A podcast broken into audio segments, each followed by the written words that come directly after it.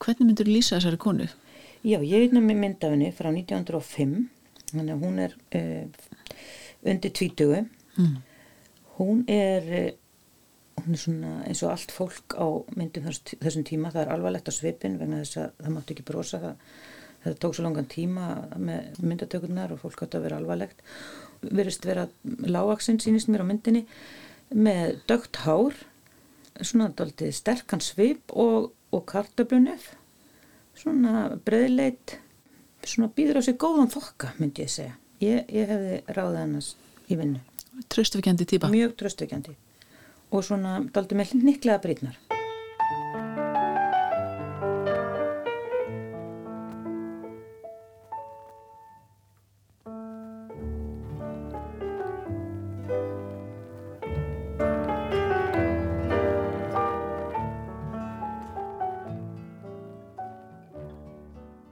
Við höfum öll hyrt sögur af frægum Íslendingum sem dvöldu um tíma eða byggu jafnveg lungan úr æfinni í Kaupmannahöfn á 19. og 20. stöld. Langsamlega stærstu hluti hinn að þekktu svo kvölduðu hafnar Íslendinga eru karlmenn. Ég held jafnvel að fullta fólki sem þekkir til margra hafnar Íslendinga gæti ekki nefnt eina einustu konu. Þetta kemur ekki óvart, karlar skrifuðu söguna og þeir skrifuðu sjálfa sig og aðra karla. Sagan er skrifið af efnafólki og mentamönnum og hún fjallar að mestu um þokkalega velstætt fólk og mentað sem komst til valda og stundum einstakar listamenn sem öðluðust fræð og virðingu fyrir eða eftir dauðan og þar erum við aðalega að tala um karlmenn. Það er öðru hverju minnst á konur þegar Íslandingar í Kaupmannahöfn fyrir tíma eru til umræðu og örfá að konur sem byggu í Kaupmannahöfnum aldamóti 1900 og eitthvað fram á 20. öld hafa sagt sögu sína eða aðrir hafa greint frá æfið þeirra. En konurnar eru fáar, við getum nefnt Kristínu Dahlstedt, Ástu Málara, Björg Sérþorláksson og einhverja fleiri. Ég hef lesið fjölmarkar æfisugu fólk sem dvaldi í Kaupmannhöfn setni hluti á 19. aldar og fyrir hluti á 20. aldar ímist við nám eða störf eða bæði. En lang fæstir Íslendinga sem sildu til hafnar og dvöldu þar lengri á skemri tíma skrifuðu nokkuð tíma staf um lífsitt.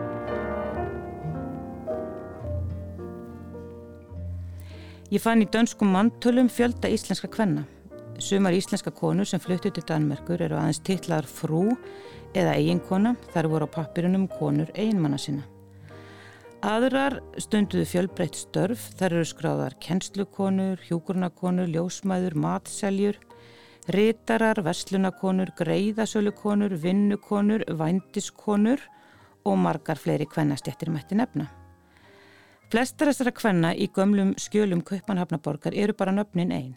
Það er oftast ómögulegt að finna neitt um æfir þeirra annað en að nöfnin þeirra standa í Íslandingabók. Stundum með einhverju smá klausu til upplýsinga, stundum er aðeins fæðingadagur þeirra skráður. Dánarvottoru hefur þá líklega aldrei borist til Íslands og það á einmitt við um konuna sem ég ætla að fjallum í þáttaröðinni sem nú er að hefjast.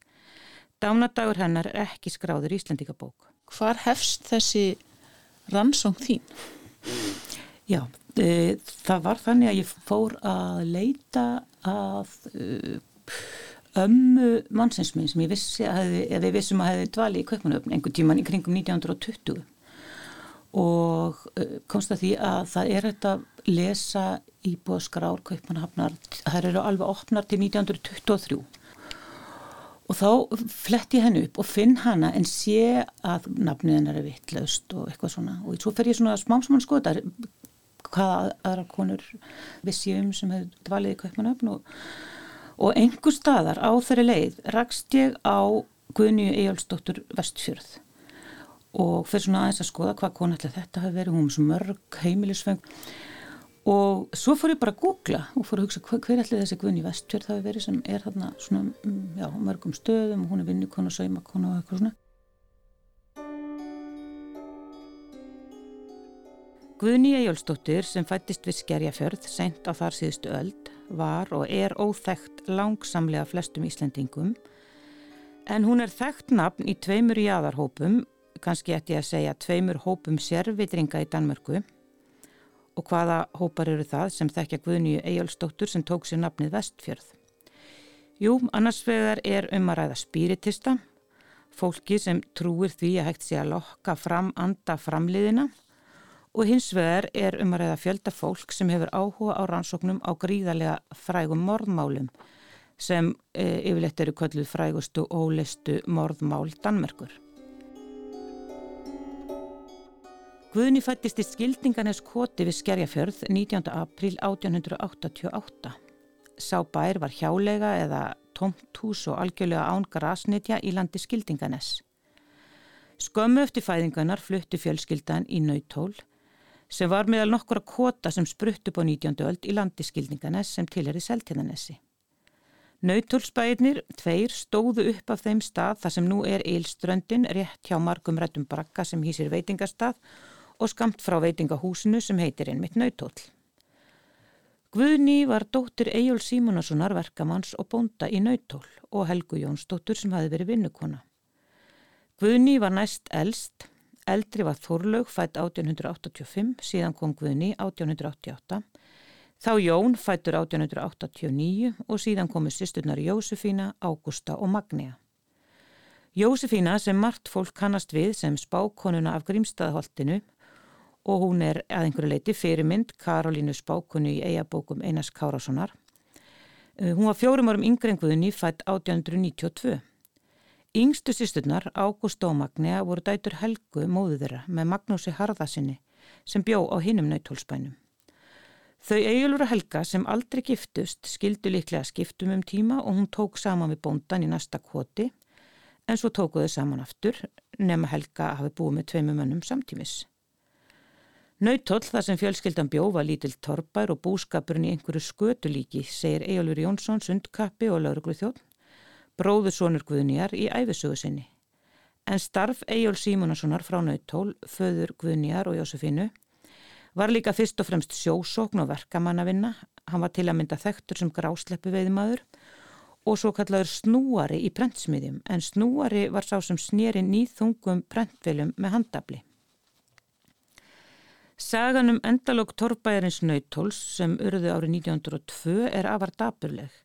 Þeim viðburði hefur verið líkt við njálsbrennu og atburðurinn vakti óhug meðal fólks en hann var lengi rættur í bænum og minningin um hann hefur lifað með kynnslóðum.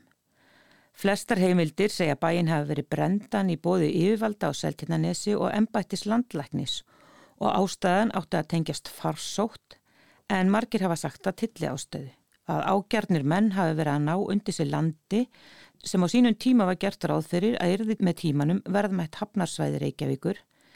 Það er staðrind að lengi voru uppi áform um að flytja höfnina þann sem hún er nú og yfir í Skerjafjörð en sagfræðingar vita nú meir um þetta en ég. Já, Íólfur Jónsson, sundkappi og lauruglumæður, hann eh, segir frá þessu í æfisögusinni og í viðtölum þessum viðburði að það hafi verið þessi brenna á nautól. Hann segir sem sagt að uh, þarna hafi uh, Íólfur og kona hans búið árið 1902 með börnum sínum og þá hafi bærin verið brendur eftir að það kom upp taugaveiki og gömul hjón látist með stuttum millibili og annar ungur piltur og þá hafi komið upp þessi hræðsla við taugaveiki í bænum og torfbærin hafi verið brendur og fólkinu bara hend út. Og þetta er greinilega bara svona saga sem að hefur gengið í fjölskyldunni og greinilega haft mikil áhrif uh, og verið mikil náttúrulega áfall fyrir þau sem lendu í því og, og gengið svona mann fram að manni. Upp á taugaveikin að gera þá var, höfðu læknar heimil til þess í sóttvarnalögum á þessum tíma að uh, brenna hluti og jafnvel heilu bæina ef að þeir töldu að það veri ekki gott að sóttreinsa þá eftir að smitandi sótt hafi gengið.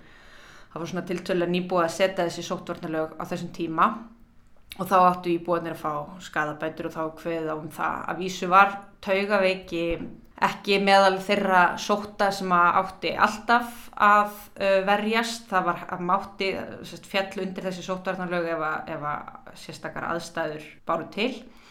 Og það gerðist alveg stundum að læknar gáfi fyrirmælum það að, og hafðu umsjón með því að, að bæir, þá einhvern torfbæir væru brendir, heilu bæirnir. Uh, og stundum töldu læknar jafnvel að það væri bara ekki hægt að sótreynsa torfbæi svo vel væri En ef maður sagt, flettir kirkjubókunum frá Selhjarnanesreppi uh, á þessum tíma. Þá sést að, að þetta ár 1902 þegar nauttóli brendur þá vissulega dóu þrýr einstaklingar þarna á nautól þar var semst uh, tvíbíli ásamt hérna fjölskyldunni sem að Eyjólfur var komin af. Þá bjóð þar uh, gammal ekkill á áttræðisaldri með þreymur uppkonum börnum sínum og tvö þessara batna deyja þarna uh, vor og sumar 1902 og það kemur ekkert fram í uh, kirkjubókum úr hverju þau dóu en það er ekkert útilokað að það hafi verið taugaveiki eða einhver annar smittsjúkdömur. Hins vegar þá hef ég svo sem ekki fundið aðrar heimildir um til dæmis að læknir hafi haft umsjón með þessum bruna eða neitt svo leis en eins og Eyjólfur nefnir svo sem líka þá verðist þetta ekki síst hafi verið að undirlægi Sigurðar Brím, postmeistara og þetta gerist sem sagt haustið 1902 og Sigurður Brím uh, segir frá því í æfisögu sinni að hann fer út í jarðakaup þarna á svæðinu. Og kaupir þetta svæði og ekki reynilega láta skoða meðal annars hvort það sé eftir að gera höfn þarna í Nautólsvík og er svona byrjaður á einhverju jarðirkju þarna og, og vill Eyjólf, pappa, Jósefínu og Guðnýjar burt sem býr þarna með, með konu og börnum. Og þetta er mjög svona harneskjuleg lýsing í æfisögu uh, Sigurðar. Hann segir sem sagt í Nautól bjómaður á nafni Eyjólfur með konu og börnum. Hann vildi ekki fara þaðan um vorið en hvort þetta eða húsin þar voru að falli komin og gáttu ekki talist mannabústaðu lengur en það voru þar sífælt veikindi í krökkunum, taugaveiki og fleira. Þess vegna tók ég það ráð til þess að koma Eyjólfi í burtu að láta kveika í kotinu eða segja repsnefndinni að láta gera það.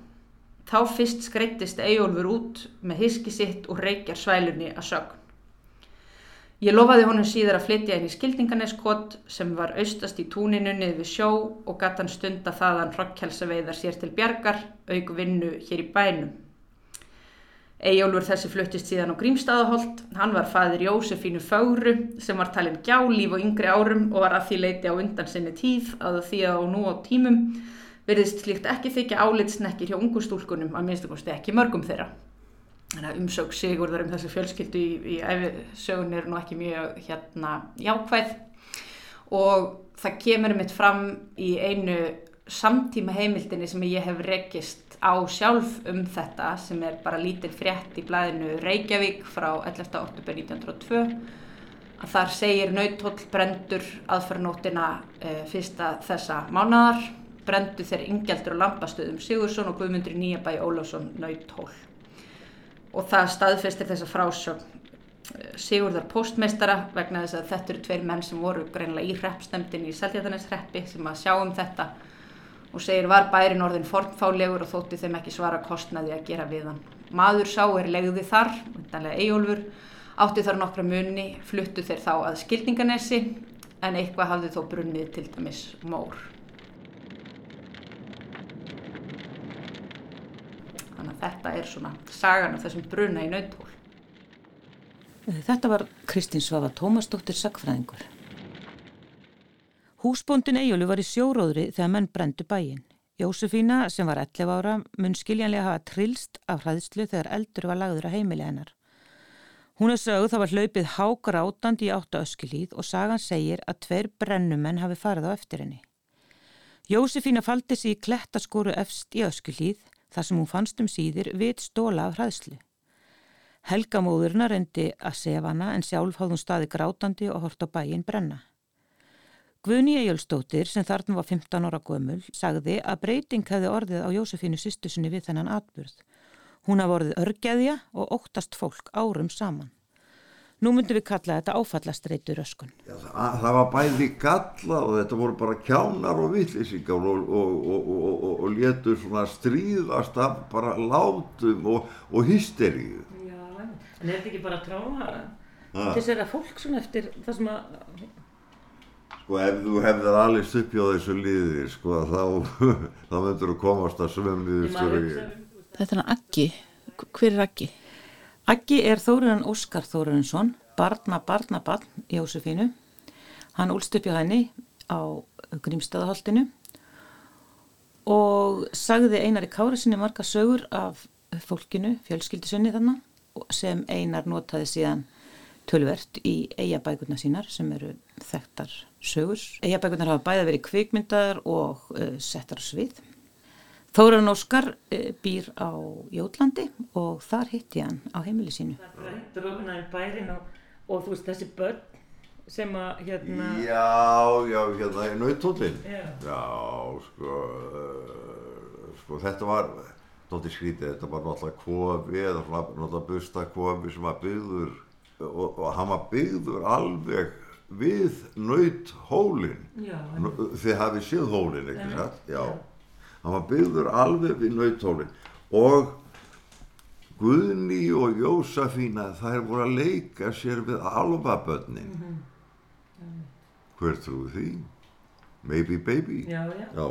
Og þarna var alvað drottningin og þess að þetta var bara svona eins og bara þegar uh, Jósafína var að segja frá þessu þetta var eins bara að lesa í hérna, hérna grinsæfintýri sko. Mm -hmm.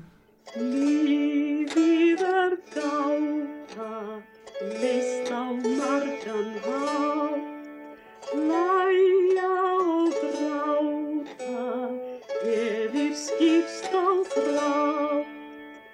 Læja og gráta yfir skýrstan frá.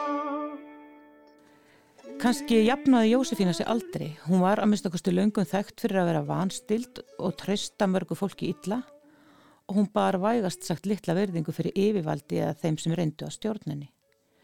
Guðni var sömulegis ekkert að láta að flækjast fyrir sér að brjóta lög eða svo bara undir. Samúð þeirra sýstrana með lítilmagnanum er einnig annáluð Þar eru sagðar hafa staðið sem klettar með þeim sem nýðst var á og stóðu höllum fæti í samfélaginu. Þegar Eyjólfur kom á landi þennan dag blöstu við honum rjúkandi rústir nautólsbæjarins. Þeir sem stjórnuð aðgerunum tóku helgu konu hans og dæturnar með sér.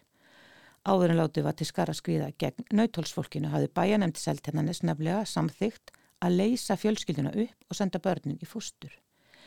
Þeim var komið fyrir hér og þar sem sveitar ómögum en með óbylandi þrautsi og dugnaði tókst Eyjálfi síðar að samina fjölskylduna og árið 1910 eru þau alls skráð sem íbúar í Þorstenskoti sem var þurra búð við Bollagarða á Sæltjarnanessi.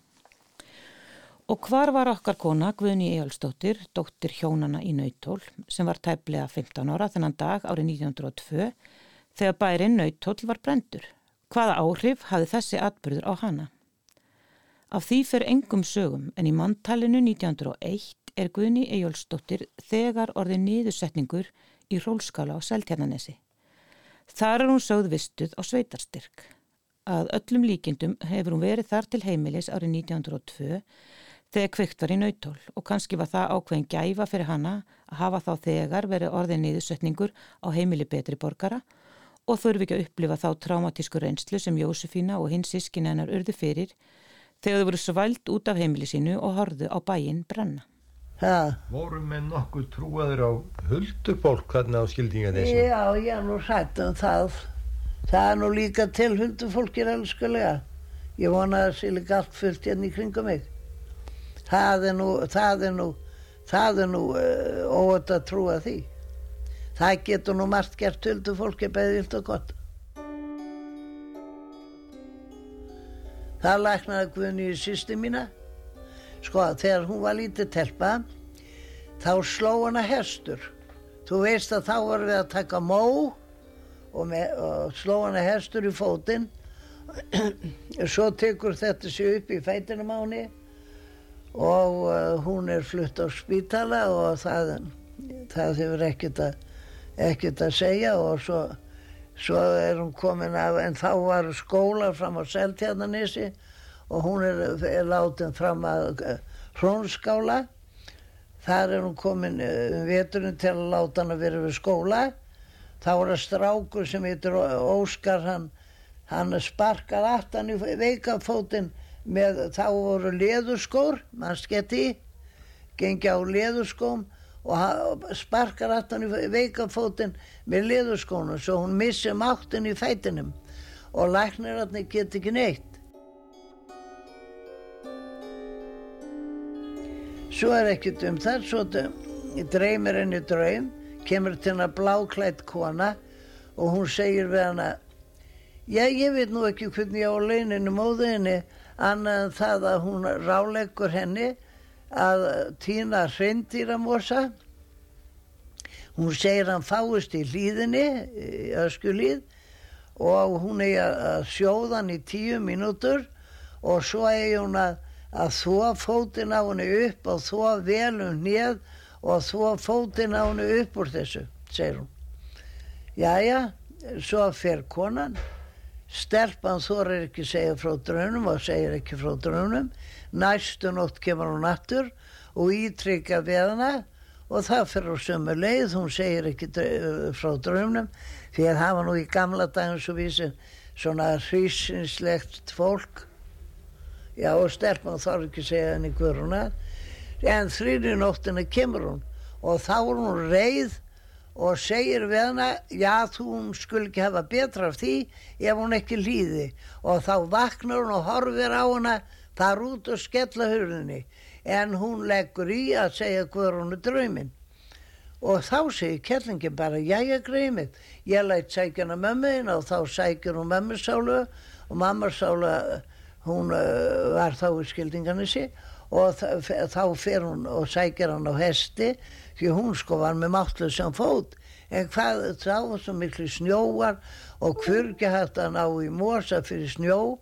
Svo pappisálu þekkti morsan og uh, þá rofar eitthvað til eftir svolítinn tíma að pappi sálu týna bara í mýrinni, selja mýrinni. Og mamma sálu að gera þetta eftir þrjár vekur gekk hún þá fór að koma kíli út á hniðáinni og svo einn morgun þegar mamma sálu að þvó ég var mann svo eins og skeið í dag því ég lág alltaf að klafti á og þá var ég lítið stelpa og þá hérna sprakk þetta og þá fekk hún máttinn trúur þessu Þetta er satt eins og Guður sannur yfir okkur og uh, hérna og hérna uh, hún eftir þrjár vekur stökkun og lékun sem með okkur. Trúur þessu? Hér herðu við Jósefínu Jálsdóttur segja Hallfræði Erni Eiríksinni þjóðfræðingi frá Huldukonu sem læknaði Guðnýju sýsturinnar þegar voru krakkar í nautól. Upptakan var gerð á heimili Jósefínu á Grímstaðaholtinu í mars 1977.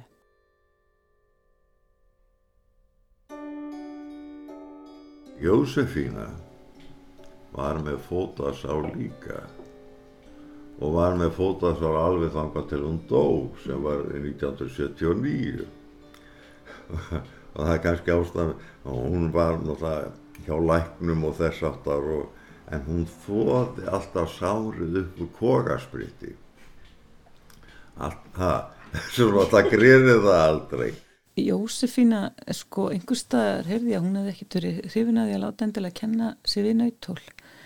Það hefði ekkert endilega verið svona eitthvað sem hún hafði valið sjálf. En okkur, ég, já, ég veit það sko, það er náttúrulega eigjólfur á nautól val pappiðar að verið staðar verið kallaður, kallaður það, en, en svo veit maður ekki, sko, Jósefína, það er svona eins og að sé alltaf eitthvað svona smá hæðnistótt þegar fjallaði um hana, hún kemur öðru hverju fyrir um að leita að fréttum. Og Þorbergur segir einhver staðar að krakkar hafi verið að hlaupa eftir henni með rópum og köllum sem týðgæðist eða fólk var smá skrítið og miskilst að það hefði líka átt við um Þorberg sjálfan e, það var svona kannski ekki mikið, mikið hérna, svigrum til að vera eitthvað öðruvísi og hún sjálf var kannski æst líka.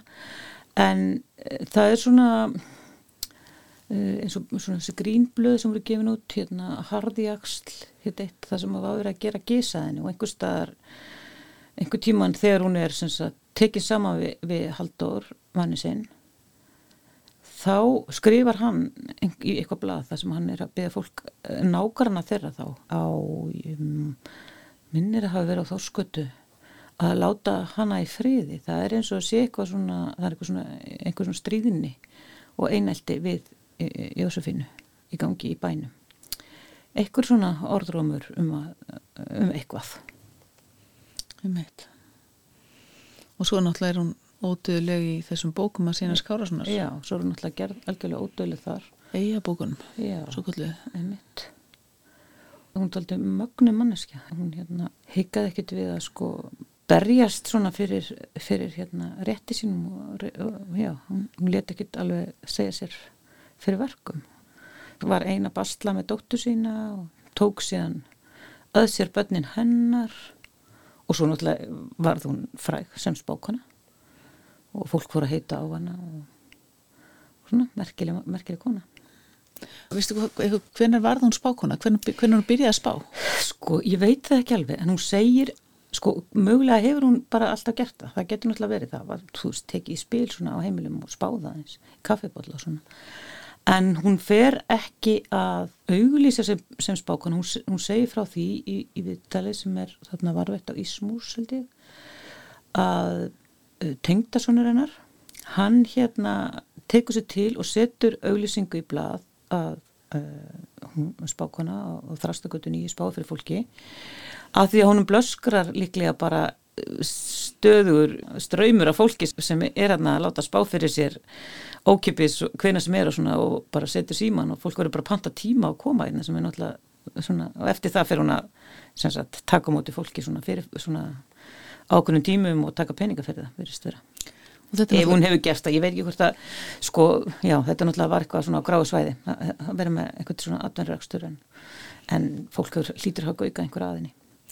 En þetta er náttúrulega líka tími bara sem að spiritismi og allt svona honum tengt og svona andleg vísindi margskonar eru mjög ábyrrandi í Reykjavík. Já, já, já. Þetta var eh, hobby hjá, já, bara hjá betri borgurum að vera í Guðsbyggjafélaginu og, og einhvern svona andatrúar söpnum og fara á miðilsfindi og svona. Það er náttúrulega annað fólk sem veit miklu meira um það en ég, en ég hef svona stundum á tilfinningunni að þetta hafi verið út af einhverjum leiðendum.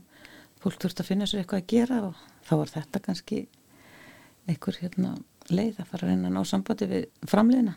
Sko í grunni þá hafa alltaf verið til það sem kalla mætti dölskegnir aðlar á Íslandi, allt frá landnámi. Þetta er sakfræðingurinn Dalrún Kaldakvísl. Og hvort heldur maður skoðar ísleitingasögurnar eða hvað eina þessir aðlar hafa alltaf verið til þeir hafa bara borið mismunandi nöfn. Hvort við tölum um uh, völfur, segðmenn, spákonur, spámenn Eh, þessar aðalar hafa alltaf verið til og haft mismikið vægi og mismikið rými til tjáningar og það sést til dæmis að völvurnar hérna til forna þar höfðu mikið aðtapnarími, mikla virðingu, fóramilli heimila, spáðu fyrir fólki, höfðu lækningakraft. En uh, svo líður þetta undir lok og eins og Helga Kress hefur komið inn á þá var þetta mjög nátengt uh, sko, þessi völd sem konur höfðu þessi spátumskáfa völvunar og var mjög nátengt munlegri hefð. Þannig með tilkomi rittlistarinnar segja maður þá líður svona þeirra skeið þetta kvenna valdarskeið undir lok en það heldur þetta áfram að vera til spákunur en með kristindóminum þá gefst þeim mjög lít lítið svona aðtapnarími til að tjá sínar sínir, þessir, þessir aðlar sem segjast þeirra sjáandi. Og það er líka því að dauðin var ákveðið sko viðkvæmt efnið því hann var svo nálagur fólki í hverstarslefinu. Hann er ekki eins og í dag, hann er ekki, ekki nærr okkur lengur dauðin, nema þetta hvað var það þá aðeins sem starfa á slíkum vettvangi.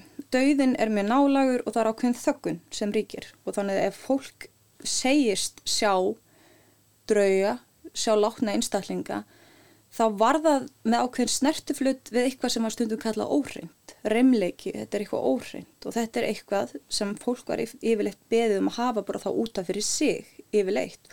Og það var kannski að segja eitthvað um í trúnaði að það sæi eitthvað og þá var sá aðili kannski eitthvað sem var nátengt þeim og jafnvel sá aðili var líka sjáandi og sagði ég veit, ég sé líka. Ég er að skoða sérstaklega skegna aðila sem tilherðu bókmentagrein sem var bara æfi og dulsinir skegra íslitinga uh, eh, á 20. öld og ég er að skoða konur í þessum ranni. Þetta eru konur sem eru þá alast upp á tímum þegar bændasamfélagið er líðundu lók miklu leiti. Þannig þetta eru konur sem alast upp við mikinn trúarhitt oft, húslestra. Eh, það eru alast upp við mikill ná, nánum tengslum við náttúruna sem mótar þeirra sín og þær eru alast upp í mjög nánum tengslum við þjóðsagnaheimin og þess vættaverur og þannig að þegar að þær eru ungar þá mótast þeirra sínir mjög mikið af þeirra reynsluheimir sem eru þjóðsagnaverunar mjög mikið til sem er líður á þeirra feril hverfur í rauninni. Því það er ekki lengur þá viðtekjum átt ekki verið að tala svo mikið um huldufólk. Svona er líður á 20-stöldina það var svona meiri tísku fyrr. Þannig að þetta eru konu sem vissu það að það voru til einstaklingar sem voru næmir. Mm -hmm. sumar hverjar uh, töluðu fjölskyldum meðlum og kannski þurftu að þóla skömm og þurftu að vera skammaður uh, þar voru kannski, kannski vel leiðaðum meðan aðra mættu skilningi en varðandi til dæmis bollarestur og andagljus eða lestur í spil þá var það þannig að það var líka verið að snoppa fyrir ákveðnum spátumum sko, umfram aðra. Þannig til dæmis að skiknir aðalar, til að mynda Lára Miðill, Lára Ágústóttir, hún segir hvenar allar fólk að láta þessum hégumlegu hlutum eins og að lesa í bodla og að lesa í spil. Fyrir henni var þetta svona alþýðu, mm -hmm. alþýðu skemmtun. Því fylgdi ekki þessi göfgi sem fylgdi skikningáðinni og skikni lýsinga fundunum. Þannig að Í raunin er það líka því að hér er sko skegniðaraðalar tala oft um gáfur sínar sem er miðulskáðunar, eitthvað sem Haldur Lagsnes saði var alls ekki gáfur, er að sagt, þeir tala um það að þeir hafi fengið það í vöggugjöf. Samst að þetta er ekki vísa kannski til þess að í móður eða þauðurætt hafi líka verið með skegnigáfu.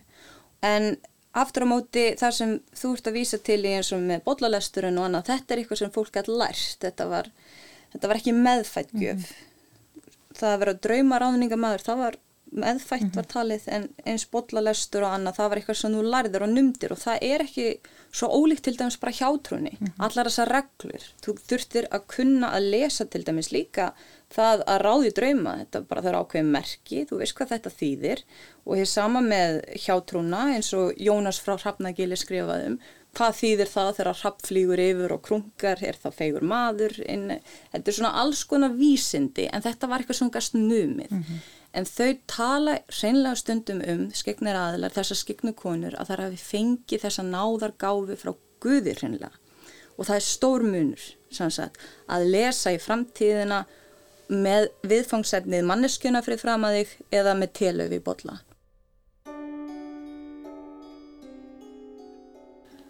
Uh, sko við erum að tala rosa mikið um Jósefínu, eitthvað í þessum þætti.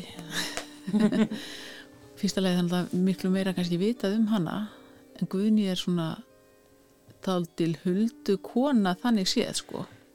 Kannski var líka bara þannig að svona Jósefína var meira típan sem tjáði sig heldur en Guðni Það getur alveg verið. Guðni er alltaf sögð það að vera svona yfirvegu blíð, góð. Hún verður náttúrulega ekki vittnað þessum bruna. Já, hún er svona yfirvegað yfirvegað sýstirinn hún, og hún er náttúrulega ekki á Íslandi og ekki þekkt spákon á Íslandi eða það er ekki búið að kafa svona í æsku hennar. Jósefina segir hérna einhverjum stað að að sýstirinnar hafi verið dulafull það getur náttúrulega haft ímsa merkingu sko, Nei, hún hafi verið bara dul líka. Það getur nefnilega alveg verið. Hún segir það líka, hún hafi ekki vilja ræða svona hluti úr þeirra asku og hún hafði bara verið dula full og maður þekkir það, gamalt fórst sérstaklega var ekkert að tjási mikið um fortíðina. Ef hún, ef hún var eitthvað slæm og hræðileg þá reyndi fólk bara grafa, grafa það og verið ekkert að ræða það og ekki að, alls ekki að íþingja afkomendum sínum með einhverjum slæmum sögum af fortíð sinni.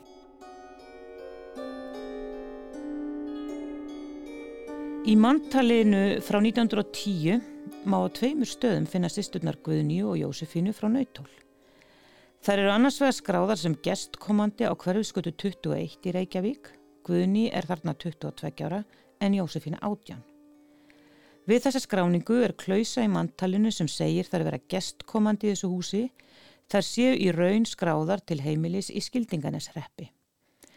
Og það stemmir, þær eru líka skráðar í Þorstenskoti á Seltjarnanesi þar sem fjölskyldar að bjó.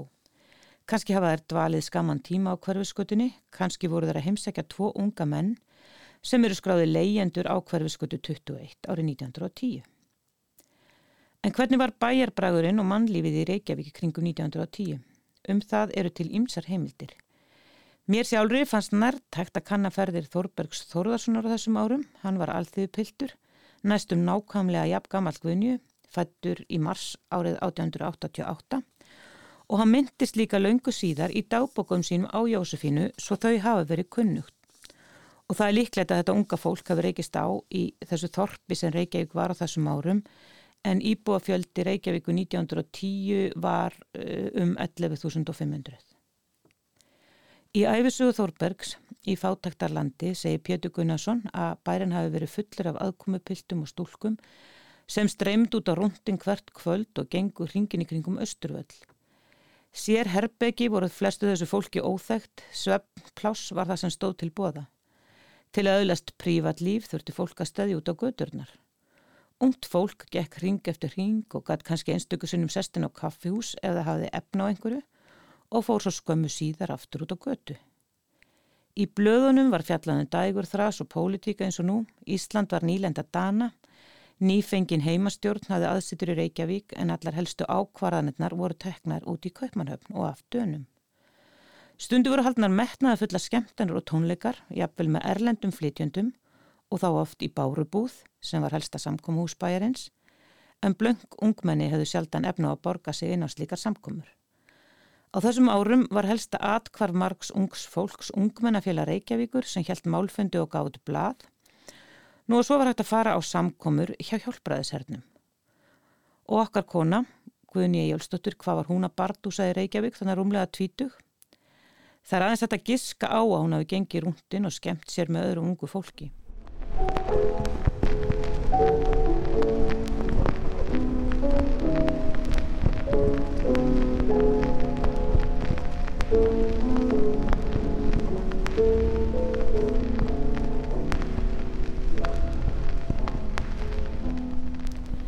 Hvað sem því líður þá er allavega ljóst að hún tekur ákvörðun um að yfirgefa heimahagana.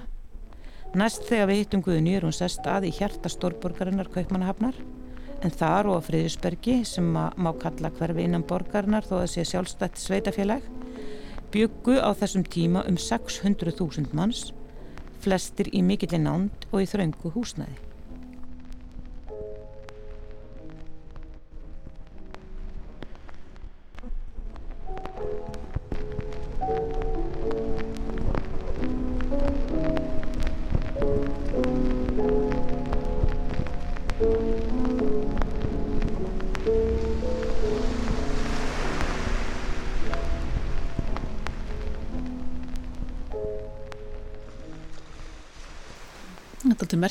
Það sem að veit fyrst og fremst um unga konu, hún hafi fengið sár. Mm, það er mjög merkilegt og ég, men, ég veit ekki til þess að hún hafa nokkur tíma skrifað staf Guðni nema nafni sitt þannig að hún, hún, hérna, hún talaði ekki esku sína, mm. ekki við dóttu sína.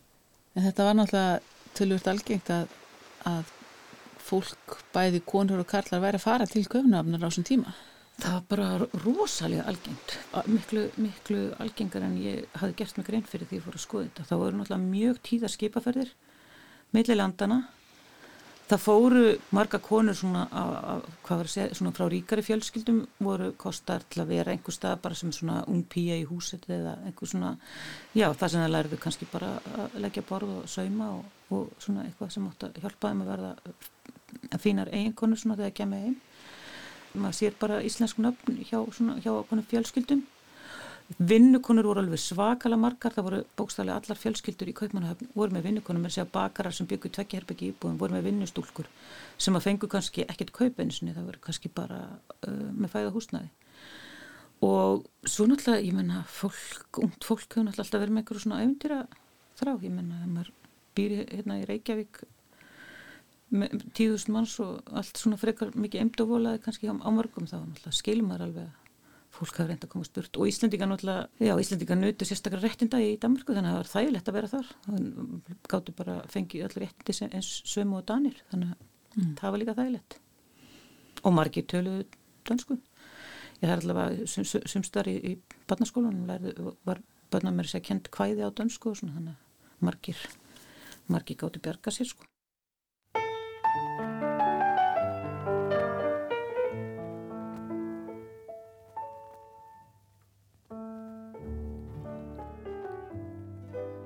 En hefur, hefur komist að því, hérna, sko, eftir, eftir, eftir því hvað Jósafína sagði mér, mm. þá fóruð þær uh, hérna, 1910 eða 1911, mm. þá réða þær sig að, að það var sagt að þetta væri hreingjörningafyrirtæki sem það hérna ætlaði að fara að, að, að, að vinna hjá. En svo bara reyndist þetta, þegar, þegar allt kom til alls, þá reyndist þetta bara bordello, sko. En Jósafína strauk eftir því sem hún sagði, sko, hún strauk, sko. Guðni var, var stökk inside á móbíli, sko.